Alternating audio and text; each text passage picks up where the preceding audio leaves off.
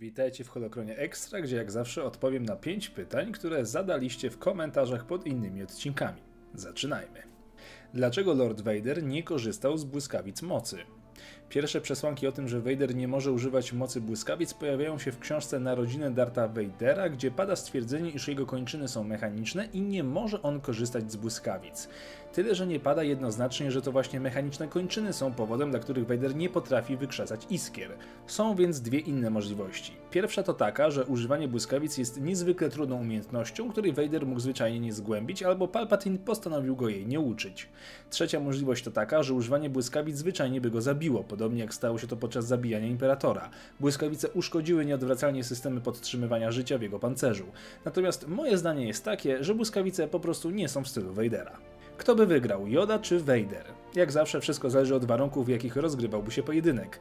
Czy jeszcze za czasów, gdy Vader był Anakinem? Czy gdy przyjął już tytuł Vadera, ale nie był jeszcze okaleczony? Czy w końcu w ostatnich latach życia Jody, który był już zmęczony i wyraźnie powolny? Jeżeli sądzić po pojedynku Jody z chramią Duku, Miss Jedi mógłby zaskoczyć Vadera zwinnością i szybkością ataku.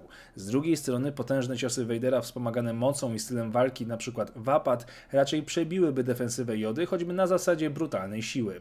Jeżeli już musiałbym stawiać na kogoś ostatnie kredyty, to byłby to mimo wszystko Yoda. Co się stało z Jar Jarem po epizodzie trzecim? Losy Jar Jara nie są do końca znane. Po jego politycznym epizodzie historia tej postaci niejako się urywa, choć wzmianki o nim pojawiają się tu i ówdzie. Na przykład w grze Star Wars Galactic Battlegrounds Clone Campaigns, która daje nam niejasny znak, że Jar Jar żyje jeszcze za czasów Nowej Republiki. Aczkolwiek gra zawiera wiele easter eggów, także ten może być jednym z nich. Z kolei w odświeżonej wersji powrotu Jedi z 2004 roku na koniec filmu podczas celebracji wygranej wśród tłumów znajduje się kilku gunganów dodanych tam cyfrowo, a jeden jeden z nich krzyczy We free. To jednak okazało się być żartem jednego z dźwiękowców, który to żart przypadł Lukasowi do gustu i przeszedł do wersji finalnej.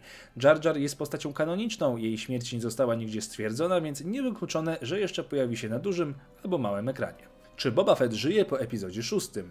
Tak, żyje.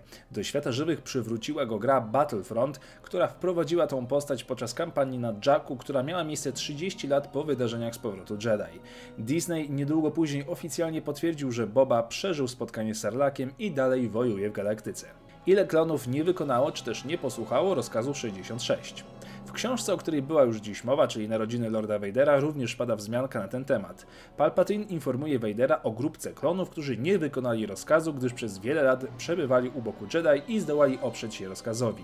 Ilu jednak ich było, nie wiadomo. Mowa o jednym oddziale, którego liczba może być różna, ale raczej nigdy nie przekraczała 12 osób. Dzięki za pytania, zadawajcie kolejne i do usłyszenia w kolejnym Holokronie. Niech moc będzie z Wami.